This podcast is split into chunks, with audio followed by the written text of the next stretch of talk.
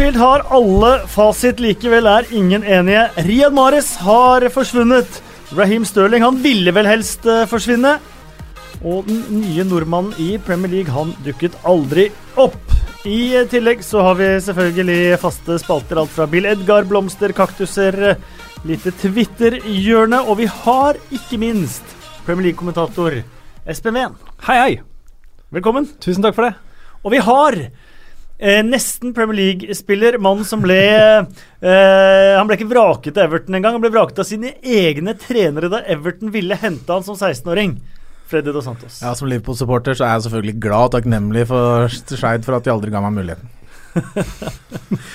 vi må begynne der vi eh, slapp, han har sagt, på søndag. For det var en kamp på, på Anfield. Uh, der uh, Liverpool skåret uh, to mål. der Tottenham også skåret to mål. det er godt oppsummert. Det er veldig godt oppsummert, faktisk. Ole Andreas Olsen skriver på Twitter Kan dere snakke mer om skåringene til Wanyama og Sala enn straffesituasjonene. Og Jeg syns det er et godt innspill, mm. men vi må likevel begynne med det siste. Straffesituasjonene. Fordi at Tottenham fikk to straffespark. det første brant de, det andre Satte de inn 2-2. Uh, ehm, og det er helt umulig å bli klok på det, fordi at uh, i dag så sier Dermot Gallagher, tidligere toppdommer, uh, Graham Poll, sier ja, fantastisk dømming. Uh, fantastisk kommunikasjon mellom assistentene.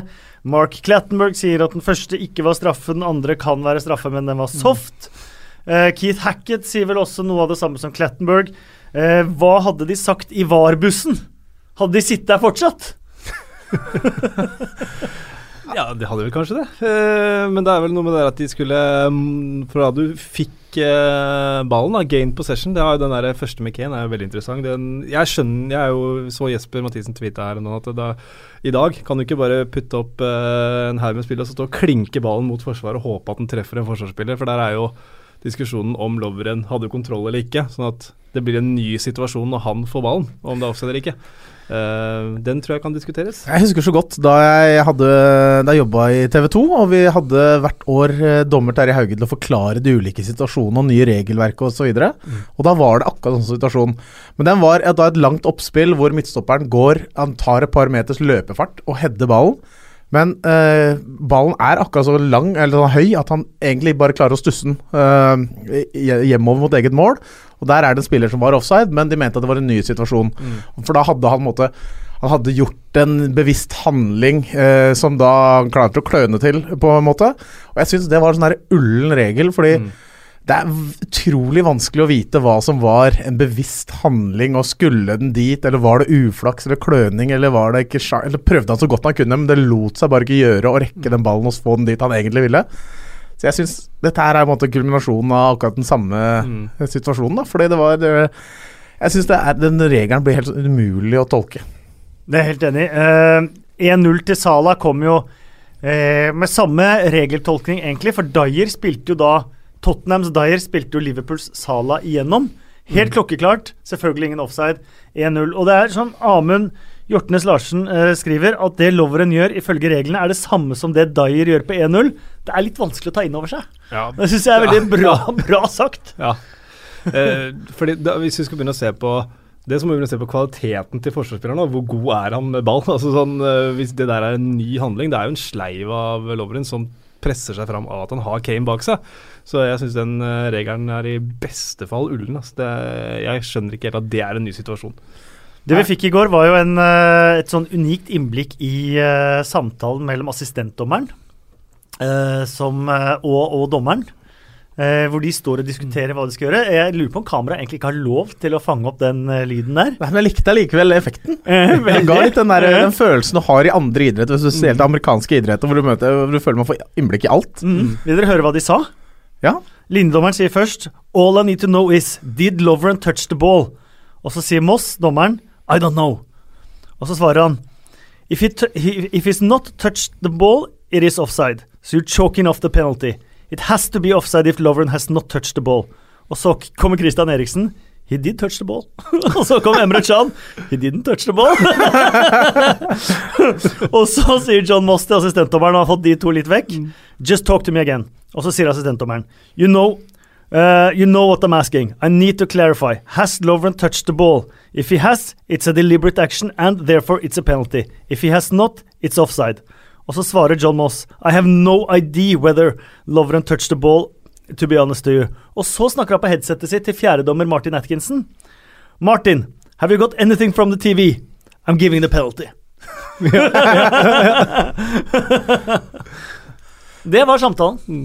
Ja. Og de er jo inne på det som har vært diskusjonen etterpå, da. Ja, altså det er så, så marginalt er det, altså. Sånne, sånne avgjørelser må dommeren ta i et brøkdel av et sekund. Eh, og det er jo Jeg skjønner jo og har full forståelse for at det er dritvanskelig. Mm. Og så er det utrolig frustrerende når regelverket er så, så vidt opp til den enkelte å tolke der og da. Eh, så ja, sånn er det jo. Og straffe nummer to, eh, den syns jeg før, mens Moss slår ut med armene, og før assistentdommer markerer, så var min sånn umiddelbare reaksjon Det er straffe! Satt jeg foran TV-en. Det er straffe, sa jeg. Og så ser jeg Moss slå ut med armene. Eh, og så eh, plutselig vinker assistentdommeren. tenker jeg, Det er, må være den riktige avgjørelsen. Men det er jo marginal offside på Lamela før han blir sparket. Um, så hvis vi da hadde hatt VAR, så ville de gitt den første straffen, som virker helt meningsløs og skal være straffe. Mm. Og så ville de ikke gitt den andre straffen, som ser ut som en straffe. Ja, for det er vel, da er han i offside når han eh, Selv om han ikke har kontroll på ballen, så er han eh, i offside når, Når, han headingen til Jorente går. Og når han får da kontroll i Ghostein som ikke ingen ser at jeg gjør, eh, på ballen, så da er det var ikke noe straffe. Jeg hadde akkurat samme oppfattelse som deg, at det var en straffe. Fy fader, van Dijk, hva er det du driver med der? Du ser deg omkring. Jeg pælma en pute, selv om ballen var i spill eh, litt videre oppover banen der. Og så bare tenkte jeg åh, slapp han fri, liksom. Det er så deilig.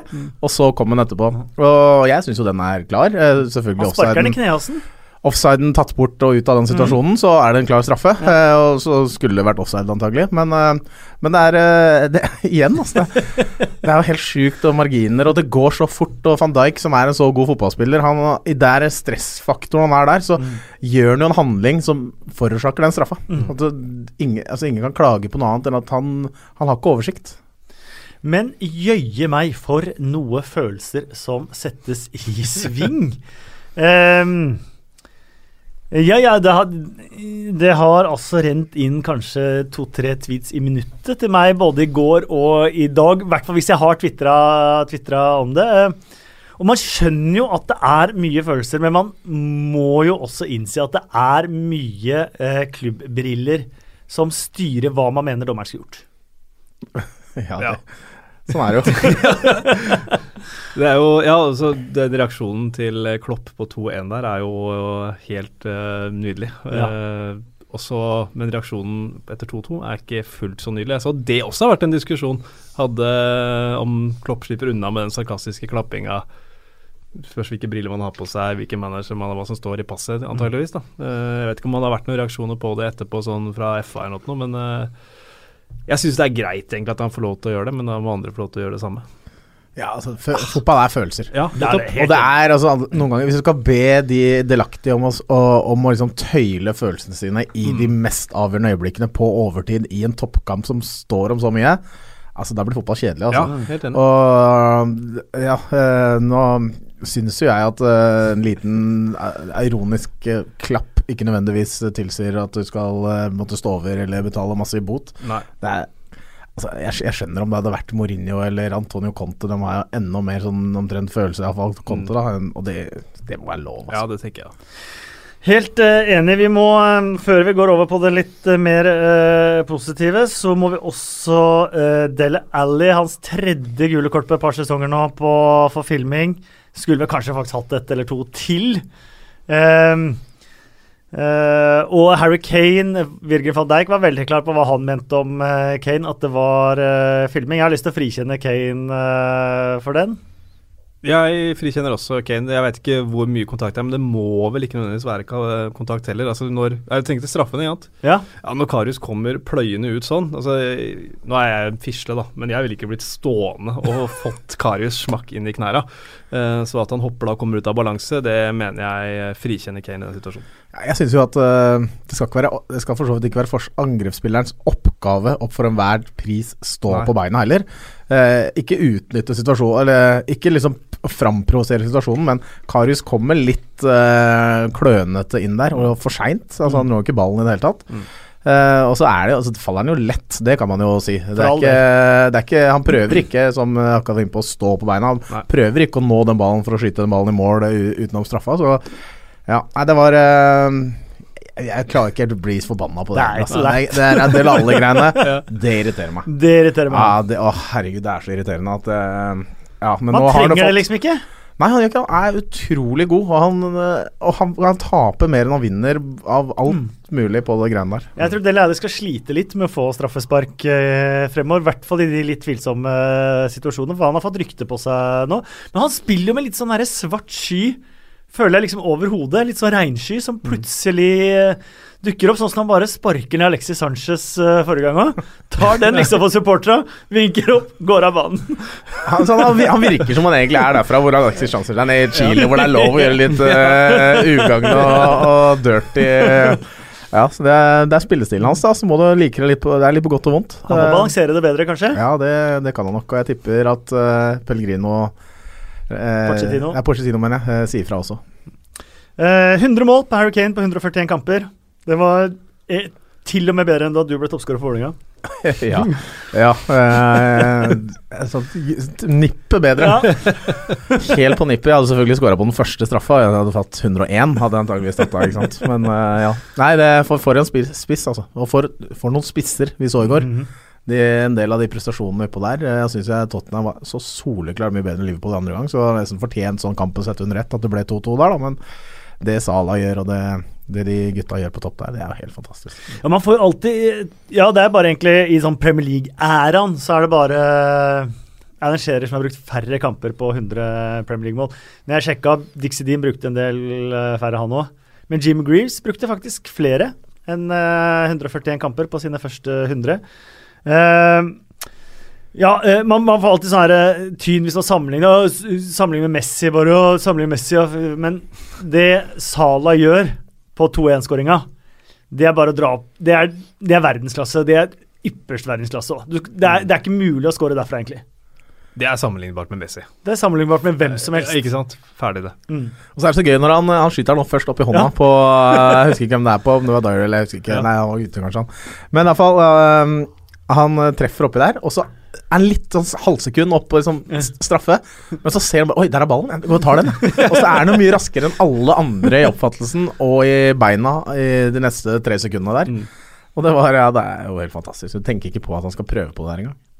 Det er jo nydelig å rekke å både klage på uh, hendelsen og likevel være rask nok til å slå alle de andre i det, og så gjør han det han gjør etterpå. Det er en magisk uh, fyr. Altså. Han har tre-fire touch per Tottenham-forsvarers bevegelse, mm. føler jeg, på vei gjennom.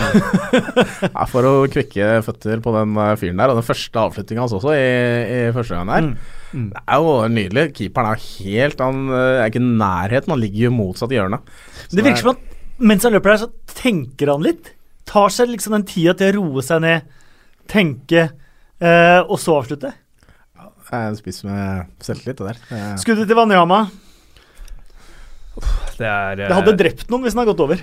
Det er sånn treff man får én gang i livet, føler jeg. Jeg fikk sånn treff en gang på try, Trysil. Jeg husker det fortsatt, liksom. Det, du snakker fortsatt om det på Trysil, faktisk. Nei, tror, ja, kanskje det var på Det var påskeferie der en gang. Da snakket vi om VM-skåringa. Ja, det satt i gryta. Så Jeg husker det var uh, Ja, jeg skal ikke gå mer inn på det, men det, det var den ene treffet jeg har hatt i mitt liv. Det var akkurat sånn treff. Uh, så jeg tror Banyama veit akkurat hvor den ender han treffer. Det er, ja, det er eh, et av årets mål. Ferdig. Det er bra. Han, han er jo raskest i oppfatninga. Det er vel Firmino som står, egentlig mm. står sammen med han der, ja. og som står og klør seg litt i, i huet, mens Wanyama bare er Han har akkurat kommet inn. Jeg vet ikke hvor mange touch han hadde før det der, vet sikkert du, Kasper. Men det, var, det, var, ikke mange.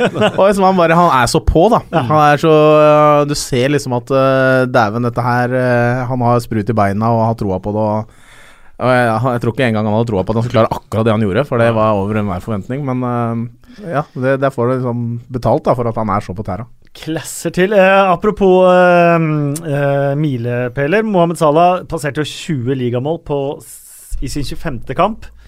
Eh, det er eh, ikke raskest, men det er raskeste siden 1915 for en Liverpool-spiller. George Allen brukte 18 kamper i 1896. Eh, og så var det Fred Pangnam og Ronald Orr. De brukte henholdsvis 23 og 24 kamper i 1915 og 1909, og de to siste er det eneste som er gjort i øverste divisjon. Så det er jo det er historisk sus over den starten til uh, Mohammed Salah.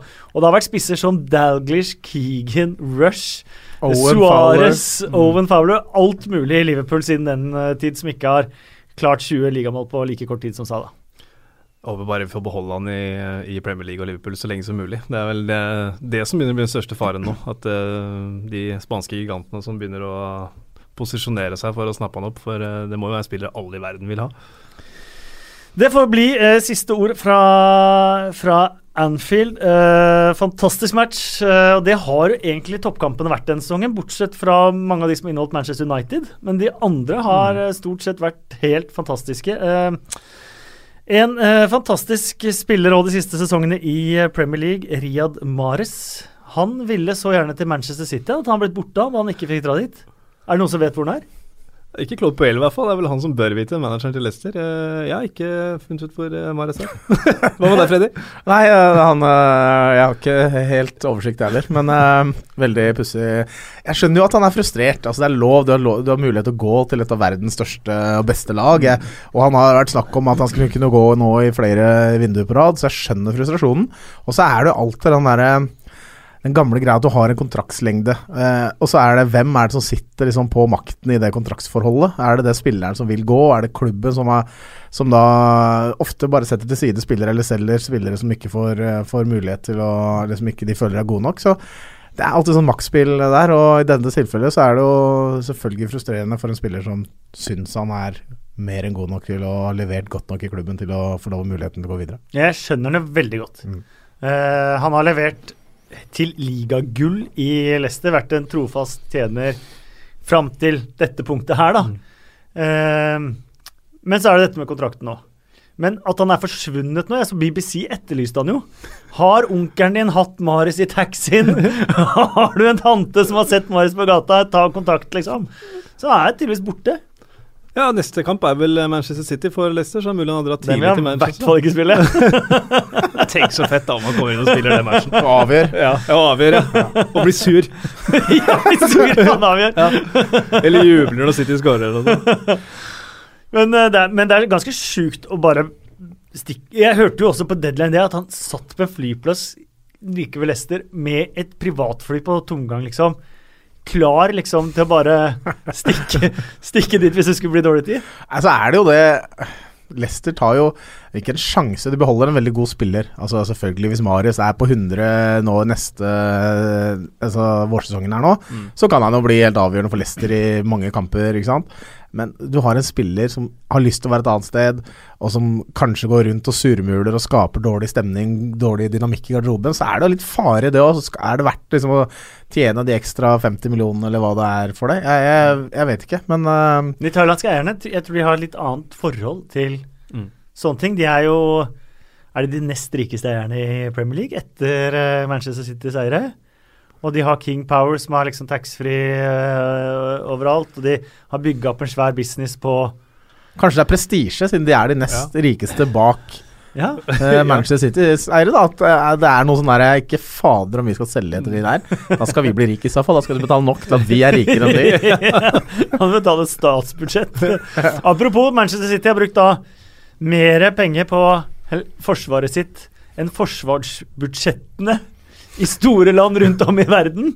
Jeg vet ikke om dere så det. Han Har brukt mer på forsvaret sitt enn Estland og sånn bruker på, på sitt forsvar totalt. Men de har likevel ikke nok spillere til å ha mer enn seks på benken. Nei, hva syns dere om det? Fjolleri. Jeg. er Syns du? De, de spilte U23-kamp dagen før. ja, men ta, da må du ta noen av reservene til U23-laget, liksom. men kan, dagen før kan du ikke ta med en av de U23-spillerne og få være med på kampdag? Han trenger ikke å spille, han kommer ikke til å spille likevel, men bare ta med, da. Syns jeg, da. Jeg vet Ja. ikke hvor den U23-kampen var, da. Hvis den Ja. var i Dubai, så er det vanskelig. Ja, det er vanskelig. Ja, det er vanskelig, men Jeg hvis den var var i, var i England og antageligvis i nærheten, da, så kunne du bare plukka med en av de som kunne sitte der og fylt opp. Det er noe med å gi kanskje en eh, jeg føler jeg som Gi dem en smak, smakebit. da En liten gulrot, liksom. Du, nå har du prestert godt på lang, i lang tid, og ikke sikkert du kommer til å få noen minutter i dag. Kanskje hvis vi leder 5-0 på slutten, så får du de siste tre minuttene, og du får en opplevelse. Så Men hvem skulle det vært da, hvis man ikke kunne brukt noen av de eh, som Nå kjenner ikke jeg riktignok til eh, reservene på U23-laget Men der. jeg tenker, men tenker liksom bare, Hvis du bare tar i rangordningen, da. Hvis du tenker Han ville ikke bruke noen fra U23-laget som spilte match dagen før. Da vil du ha, ha en fyr som det er åpenbart reserve for de, da. Som skal få den sjansen før noen av de som kanskje hadde fortjent det. Jeg syns dette er bare blåst helt ut av proporsjoner. Jeg. Ja, Hvis det er blåst veldig opp i proporsjoner, så er, jeg, så er jeg helt enig. Det er overdrivelse. Men eh, de burde jo ha stor nok tropp til å ha både tre og fire U23-lag, har de ikke det? Det er jo Det er sant. Ja. ja, Så det Ja. eh, At Manchester City ikke skal kunne stille full tropp, er jo rart. Uavhengig av hvor mange U23-kamper som spilles noen gang, egentlig. Ja. Men, det er jo, men hvis man skal si det sånn, så er det like rart at Westham stilte med en innbytter for lite mot Huddersfield, f.eks. Jo, Som de gjorde. Det var det ingen som snakka om. Nei, men det var jo Westham, da. Og det her er Manchester City. Så, sånn som det er nå, så er det sånn det, sånn det funker, det. I hvert Ja. fall med, hvis det, når uh, Mares-salget i kjøpet ikke går, så blir det jo liksom Man tolker det dit man vil, da. Jeg føler meg liksom akkurat samme som da uh, spilte Skeid en gang. Og da, da var det Da var det treneren snudde seg og så på benken, og så var det en halv spiller som var halvskada. Og så så var det rett før slutt og bare Det jeg må bytte, liksom. Så så han sånn ut, og satt en to-tre stykker der. Så sa han bare Nei, du, jeg har ikke noen å bytte inn, altså du må fortsette. Så han gikk og halta rundt på der. Det føler jeg er det samme til disse u- beskjeden som blir gitt til disse U23-gutta, da. Som ja, nummer 12 og 13 på det U23-laget. At vi spiller heller uten folk enn med dere. Ja. Eh, så kanskje ikke så oppbyggende sånn på lang sikt, da. Sant. Eller kort. Sant. uh, den som må bygges opp, er Raheem Sterling. Han eh, klarte altså å bomme på en trilleball på åpent mål fra kanskje kan det ha vært 40 cm, 50 cm. En bredside inn. Og så vet jeg ikke om dere så det kampen før. Eh, da brant han også en sjanse, ikke så stor sjanse. Og da ropte Pep Guardiola 'kom hit, kom hit, kom hit'! kom hit, kom hit. Så måtte Mm. Stirling løpe til sidelinja, og der sto Pep Guardiola, og så ga han en sånn kjempegod klem, hviska noe i øret og sto bare og koste på han. Og så gikk Graham Stirling inn, og så skåra han til slutt, han òg. Eh, men det skal mer til å plukke han opp fra denne, for nå så det ut som Guardiola bare fikk nok. Bytta han ut. Mm, ja. Uff, nei, det var vel eh, litt tilbake til gamle synder da, for Raheem Stirling. Det, den der. Det er det som har vært kritikken mot han uh, ofte. Uh, det fins jo ikke noe stort nok hull han kunne sunket ned i. Eh, Jeg tror han ville være alle, alle andre steder i verden enn på Turf Moor i Mm. sekundene etterpå der. Jeg syns jo det fallet hans etterpå er, jo, det, er, det, er det morsomste. Ja. Og det er dårlig gjort å si at det er morsomt, men det er jo litt morsomt. Det er litt morsomt. Men det er jo hva, hva er neste? Hvordan plukker han opp på dette? Hvis det Ja, det er det kan jeg tenker tenker Nå, hva, skal man, hva skal man gjøre da? Er det ut på en bedre middag, en liten date med, med Guardiola, eller hva er det? Men det er, Men det er godt godt egentlig at det skjer i en sånn sesong da hvor Raheem Mm. Sterling Ja. har vært helt fantastisk, for da, da er det kortere vei. Ikke sant? Fallet ditt uh, går ikke så dypt, skjønner du, fordi han, han har jo vært så god, ikke sant. Og det uh, Ja, jeg tror han kommer til å plukke seg opp ganske greit etter dette, men uh, neste gang det skjer, og igjen og igjen, så blir jo det sette, vil jo sette seg. Eh, ja, sette spor. sikkert. Jeg må spørre deg, for at, eh, og dette er ikke for å henge ut deg på noen som helst måte, men du tok en straffe en gang eh, borte Ja. mot eh, klubb eh, Brygge, eh, som gjorde at Vålerenga forsvant. Neste steg hadde vært Champions League-gruppespill. Ja. Eh, det sto kanskje 100 millioner på Ja, det sto, det sto forsiden på Dagbladet dagen etterpå. Var bom til 80 millioner, og så var det Ja. bilde av meg. Så ja, det var i hvert fall nærheten. Så, eh, men jeg vil anta at eh, du var ganske langt eh, nede da, at eh, du hadde en jobb å gjøre mentalt, du også? Ja, og det som også var ekstra kjipt den gang, var at eh, på treninga dagen etterpå Vi var fortsatt i Belgia og hadde en liten svømmetrening og en, en, løp, eller en fotballtrening sånn rolig på kvelden eller ettermiddagen. Og da så ble jeg skada på det. Så jeg var, jeg var skada sju uker etterpå. jeg, jeg, jeg fikk vondt, jeg en strekk på leddbåndet i kneet.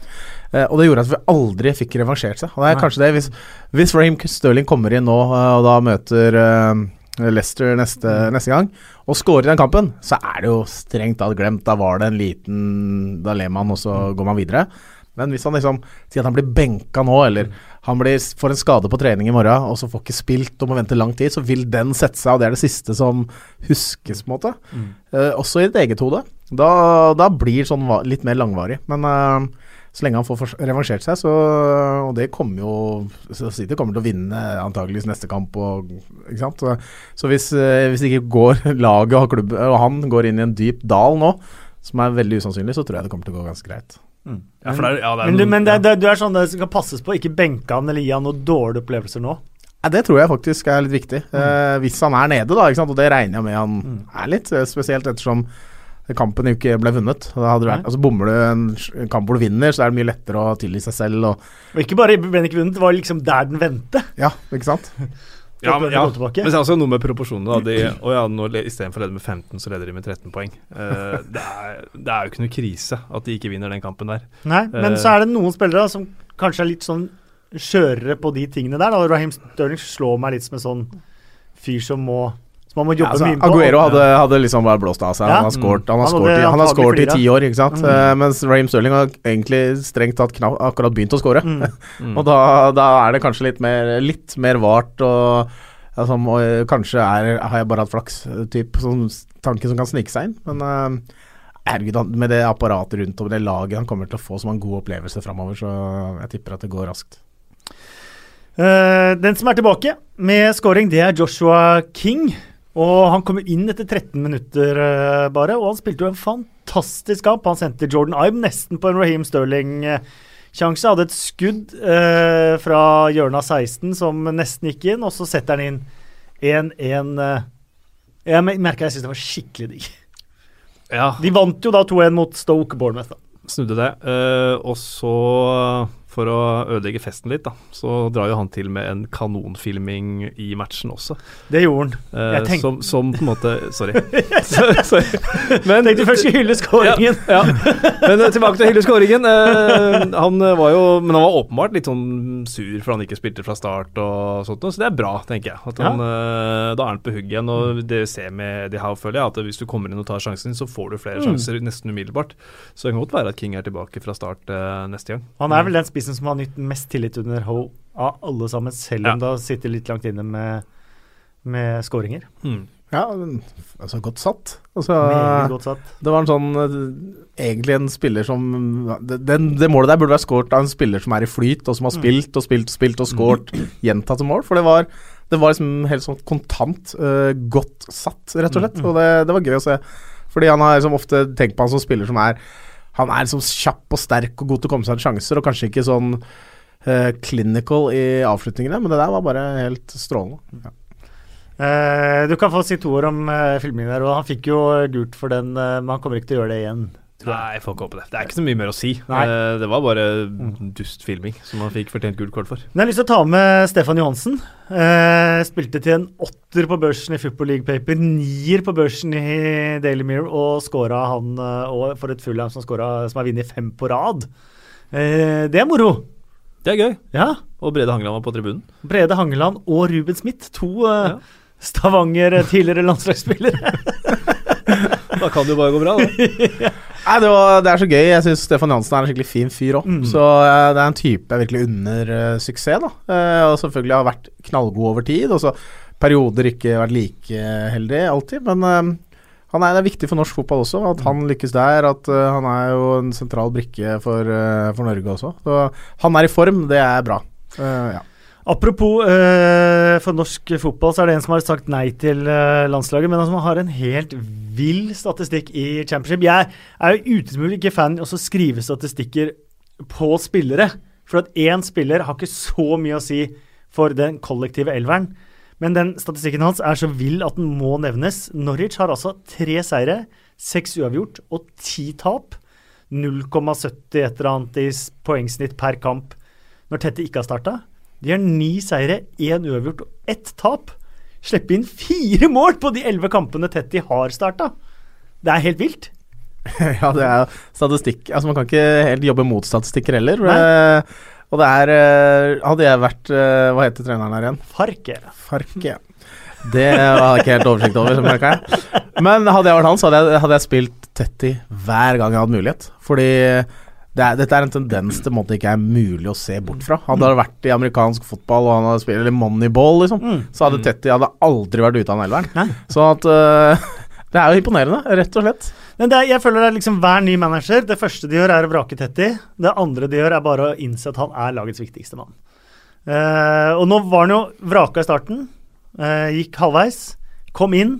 Bare var sju-åtte kamper på rad uten, uten tap der. Blei skada. Bare tap. Helt til han blei frisk igjen. Og da har de stort sett vunnet. Får håpe eh, han vil spille for Lars snart, da. Da kommer tilbake. Ja, tror du det? ja. for at, eh, han, det har jo aldri fungert ordentlig på landslaget, men jeg tenker hvis han får bli brukt på landslaget, den rollen han blir brukt på på klubblaget, så kan han bli en fantastisk ressurs, da. Ja, for han gjør jo ikke Han er ikke en spiller som gjør stort vesen ut av seg, som Nei. regel. Men han dekker utrolig mye rom, og gjør liksom den kjedelige jobben eh, på en eller annen måte. eh, og som gjør at andre kanskje kan skinne litt mer. eh, sånn Ja, for det er det jeg føler. Han er en håv, plukker opp alt, og så har du Madison og Murphy, og Oliveira, alle de offensive. De bare blomstrer når Tetti spiller. Ja, og det, altså den rollen trenger man i et lag. Mm. Og den er vanskelig å fylle med altså Det er ikke alle som har de kvalitetene, så man kan prøve å sette ut Tetty og sette inn en annen. Så får du ikke nødvendigvis de samme kvalitetene, selv om man kan trikse mer eller eh, skyte ballen eh, mer presist, liksom. Det, så ja. Det har vært moro mann. eh, Ble med der igjen. Eh, Vi har en nordmann til, Alexander Sørloth, som aldri slapp innpå. Det var rart. Ja, det var jo grunn det, men eh, Det var altså 1-1 mellom Palace og Newcastle. Palace kjørte på, eh, og Benteke brant.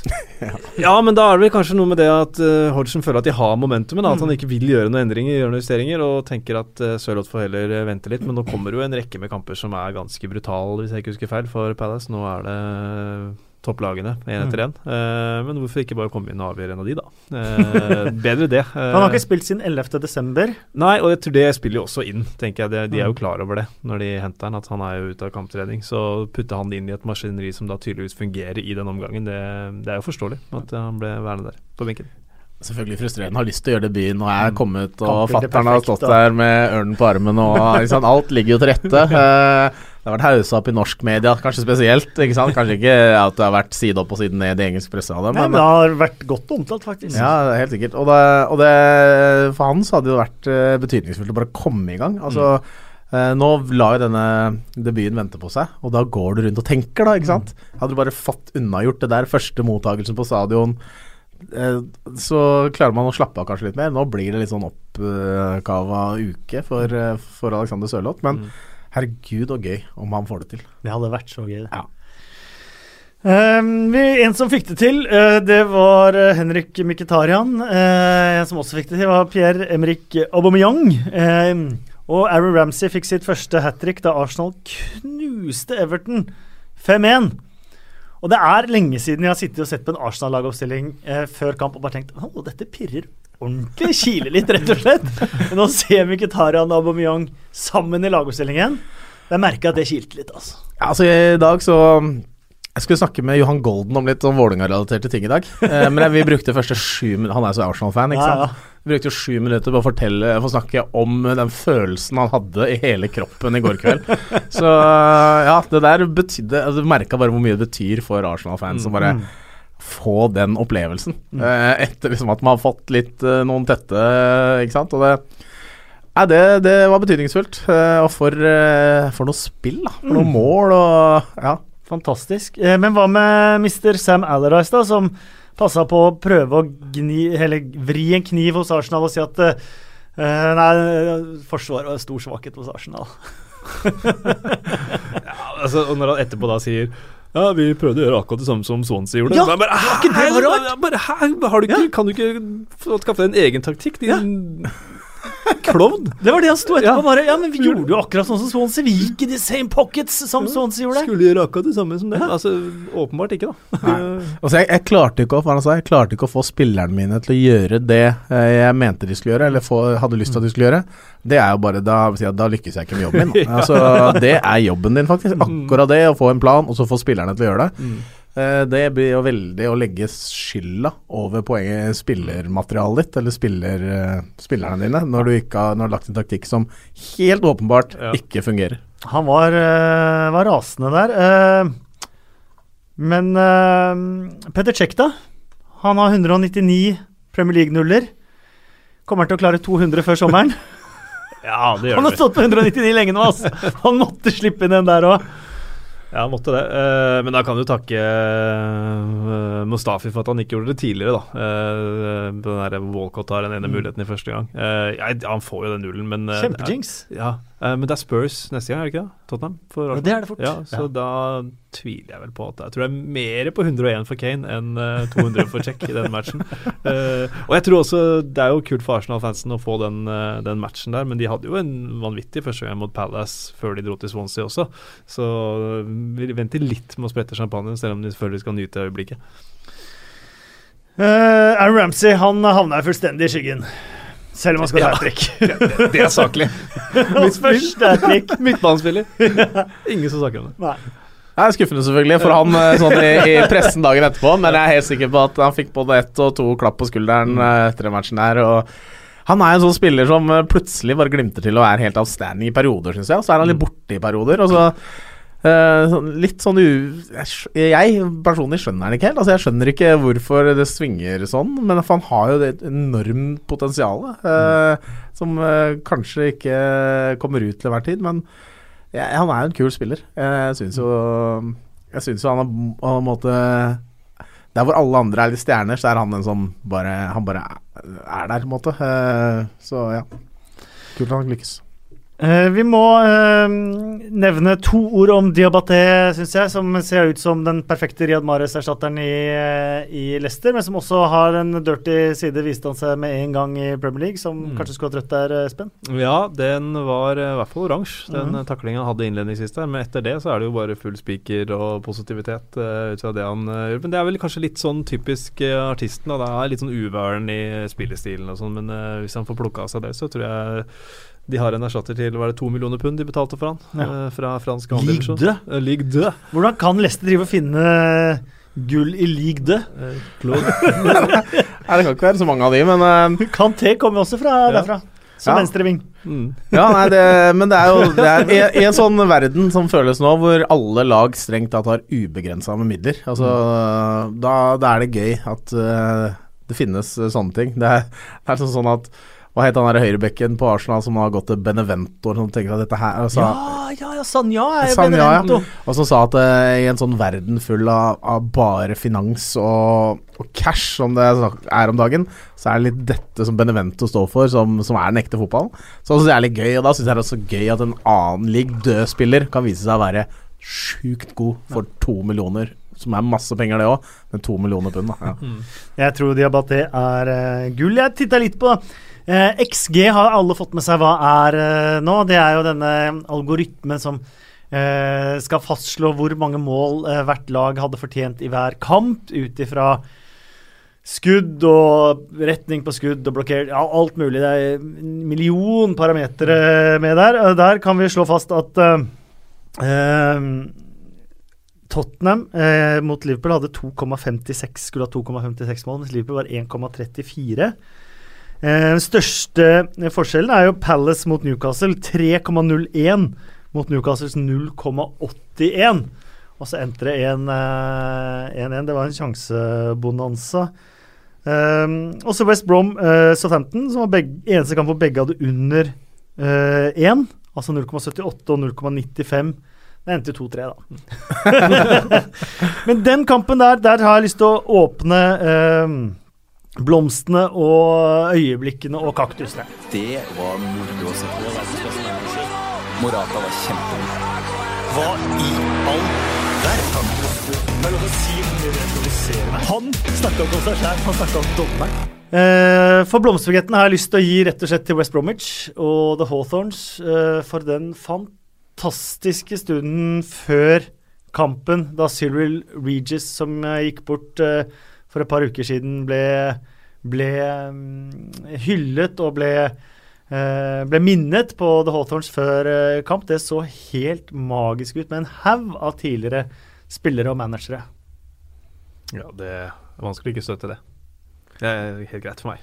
Det er noe av det som viser ryggraden og sånn i et lag. da. Mm. hva som At det ikke bare er spillere som går for millioner og milliarder av kroner. Det er, det er kultur, og det er, eh, det er et samhold, og det er et tilhørighet og historie. Og det er viktig å ta vare på den, for det er til syvende og sist den eh, de som sitter på tribunen og supporterne, er den de henger seg ved. da. Mm.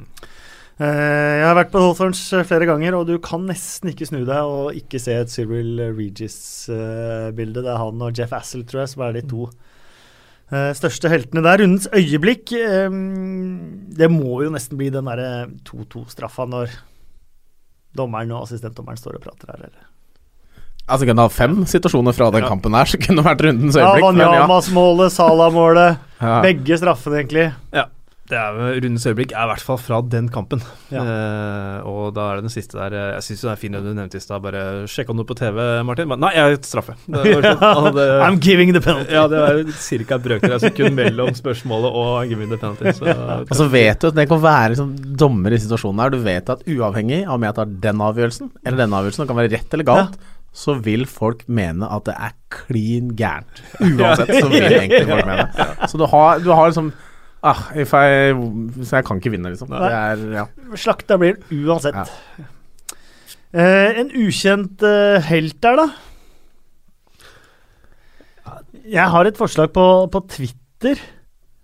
Eh, Terje Kosmo skriver James Ward Prowse med tre mål og to assist på sine fire siste kamper. Eh, og jeg har litt uh, tenkt liksom at ja, han stjeler aldri overskriftene, selv om han skårer frisparkmål og styrer midtbanen og gjør så mye bra. Ja, han var jo, var jo veldig mye haus rundt han, eller mye og mye, haus, i hvert fall litt haus rundt han før sesongen. da. At Ja. uh, Vi hadde troa på han her, og han er spennende, og sånn, men så har han ikke begynt å levere før nå i det siste. Så Han har jo aldri vært ukjent, men jeg syns egentlig han kan falle under den kategorien her, med de måten han har vært de siste Han skåra vel i FA-cupen og sånn også, Ja. så Hvis ikke så har du jo lagkameraten hans, da. Jack Stevens. Skåring i tre kamper på rad. Ja, og ikke minst Jack Stevens, eh, for da kommer vi til kaktus nå. For eh, jeg vet ikke om du fikk med deg men eh, da Southampton får straffespark der så bare, Og dette er ikke første gang han gjør det denne sesongen heller. Sofian Bofal bare stjeler ballen og sier 'jeg skal ta frisparket'. Så han går. Og så kom- får han tre lagkompiser rundt seg som bare du, kan, 'Du skal ikke ta det frisparket'. Og så kommer Jack Stevens, og så bare slår han ballen ut av hendene på Bofal. Legger den foran Ward Prowse, og så bare tar med seg Bofal bort. Mm. Eh, Så Ward Prowse får tatt det frisparket, og så scorer jammen Ward Prowse på det òg. Ja, det er, eh, det, er veldig, det er veldig gøy. Uh, og så er det jo noen da som setter seg selv litt uh, Og sånn er det jo. Man, man trenger litt sånn egoene som, som gjør litt ekstra, ikke sant. Men uh, ja, så når ting går på bekostning av liksom laget, så må man eh, Så gjør jo Stevens det helt rette der. Så vi gir Jack Stevens den ukjente helt-varianten. Det er Ja. innmari godt eh, forslag, Espen. Ja, jeg vil eh, det egentlig. Og så er det kult med han òg, da. Som i fjor så måtte han erstatte van Dijk når han ble skada. I år så må han erstatte van Dijk når han blir solgt og kommer inn og gjør en god jobb uansett. Og liksom ble vraka i høst og når van Dijk var tilbake. Så Jack Stevens han uh, syns jeg er en fin, eh, fin kandidat der. Skal Befal for kaktusen, eller har vi eh, flere? Nei, har en annen ja? Mm. David Wagner og Huddersfield, som ikke gidder å angripe når de kommer under engang på Old Trafford. Det irriterer Nei, det gjorde de ikke mot Liverpool heller hjemme. Prøvde ikke, Nei. prøver ikke engang. Nei, jeg fikk ikke sett den kampen nå, men Nei. mot Liverpool, jeg var helt enig. Der var det, altså de, de hadde jo lagt seg før matchen hadde begynt. Mm. omtrent. Ja. Og når man husker tilbake til f.eks. Uh, hjemmekampen mot United tidligere, mm. hvor de bare var Altså, de var så på, og de ville så mye mer enn Mhm. motstanderen. Så virka det som nå ja, nå er hverdagen her, liksom, og det er ikke så mye, det er ikke så viktig lenger. Det, det, det virka så rart. Ja, de var så fete til å begynne med sesongen og angrep og tok liksom Premier League ut med storm, da, men nå gidder de ikke å angripe engang. Så jeg, jeg, jeg syns de er eh, kaktusverdige, faktisk. Da gir vi kaktus til David Wagner og går til funfactsene til eh, Bill Edgar. Arsenals syv siste. Aldri skjedd! Første gang siden er den sjette spilleren. Funfactsene til Bill Edgar. Bill Edgar er eh, statistikkmann i eh, The Times. Han har sin spalte i uh, bilaget The Game hver eh, mandag, og han har eh, sine blikk på det som har skjedd i runden. Noen ganger så er det gull, andre ganger så eh, er det ikke så gull, men noe er det alltid. Det er første gang i Premier League-æraen, altså siden 1992, at et bortelag har fått to straffer på Anfield. Ja. Men jeg kan tenke meg at det kanskje ikke har skjedd på Old Trafford, men det var vel Jo, en eller annen Liverpool situasjon vel- nå. hatt tre straffer på Ja, rad det det kamp. faktisk. Det er sant. Ja. Mm. Så det er første gang da på Anfield. Eh, Mohammed Salah er den første på over fire år som har scoring innen de tre første minuttene og på overtid. Eh, og til tross da for at Spurs redda et poeng, så har de kun vunnet fire av de siste 88 bortekampene mot Liverpool, Arsenal, Chelsea og Manchester United. Ja, og der forklarer du at de aldri At de kommer nærme, men aldri vinner uh, Ja. li, eh, liga. Det er en ræva statistikk, ass. ja, det er det. Det er uh, Lukaku-esk, det. Det er helt Lukaku-esk, ja. Faktisk, man scora mot Huddersfield. Ja, han gjorde det. Det var bra satt. Um, ditt, uh, sier jeg nesten Espen, Sunderland uh, og Hull de ligger under nedrykksstreken i championship etter å ha rykka ned fra Premier League. Kan bli de første som tar eh, At det er to lag samme sesong som tar steget fra øverste divisjon til tredje øverst eh, på rad siden Notts County og Wolverhampton fra 1983 til 1985. Everton eh, sluppet inn eh, fem mål både borte og hjemme mot Arsenal. Det er første gang de har gjort siden 57-58-sesongen, da de tapte 2-6 og 2-5 mot Manchester City. Der kan du se. Det var Bill Edgar. Skal vi lese et par uh, twittere, kanskje? Uh, Simon Breivik vil bare si takk for at dere holder meg med selskap på mine joggeturer. En fantastisk podkast med flotte gjester. Det er dere, da. Mm, Gode Gode samtaler, det er dere, det òg. Og en herlig programleder, men det er meg. Keep it up. Du er jo altså fast, så oss kan være andre også, men du er jo da fantastisk hele tiden. Veldig godt å høre. Det er du, Kasper. Eh, Trond Simen Nesse, avsløringen om Felix manglende fotballinteresse sist kunne man vel ane allerede i podkasten før, da han på spørsmål om han gledet seg til den kommende uken svarte Premier League, og det var FA Cup-helg. I dag er uh, Felix borte, men du sitter her, Kim. Uh, ja, stemmer det. Hva er favorittlaget ditt i Premier League? Manchester United. Så var du Du var glad, du. 2-0 mot Huddersfield. Jeg må jo også ærlig innrømme å si at min interesse for Manchester United har jo falt litt i mine eldre dager, så jeg har ikke fulgt så mye med. Eh, eh, norske proffer er en eh, Twitter-konto alle burde eh, følge. Den, han, de følger faktisk absolutt alle nordmenn som spiller fotball utenfor Norges uh, grenser. Uh, de vil at man skal snakke litt om Joshua King. Det har vi gjort. Hvor mange mål kommer han til å skåre denne våren, og hvor mange mål er godkjent? Han har tre nå. Han har tre nå. Jeg tipper han ender på ni. Og det, er- og det er godkjent. Det er godkjent. Det er veldig godkjent. Uh, mange hadde den i fjor? Var det 16? 16. 16 ja. Uh, så hvis ni da i år, så er det liksom en litt sånn svak sesong, på en måte. Så er det, da har han etablert seg på et ganske decent nivå. Uh, jeg håper han kommer opp i de tallene der, for det som spiss i Premier League og skal en måte, Han var, var så høyt oppe etter i fjor, hadde gjort en så god sesong, og det var liksom snakk om litt større klubber og sånn. Hvis han skal fortsette å holde den statusen, så er han nødt til å komme opp i, i de summene, i hvert fall. Mm. Eh, jeg snakket jo lenge med han eh, før jul da jeg intervjuet han. Da sto han fortsatt på at han skulle ha minst 16. Ja. Eh, men etter det så har han jo vært skadd, da.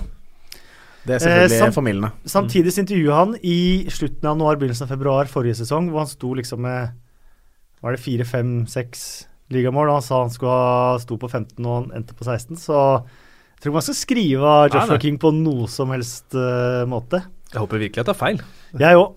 Jonas Bekkelund skriver på Twitter Ta inn faktiske ting å snakke om fra Twitter-hjørnet, eller dropp det. Var mer eller mindre uinteressant de tweetene dere tok opp sist gang. Ellers en grei pod.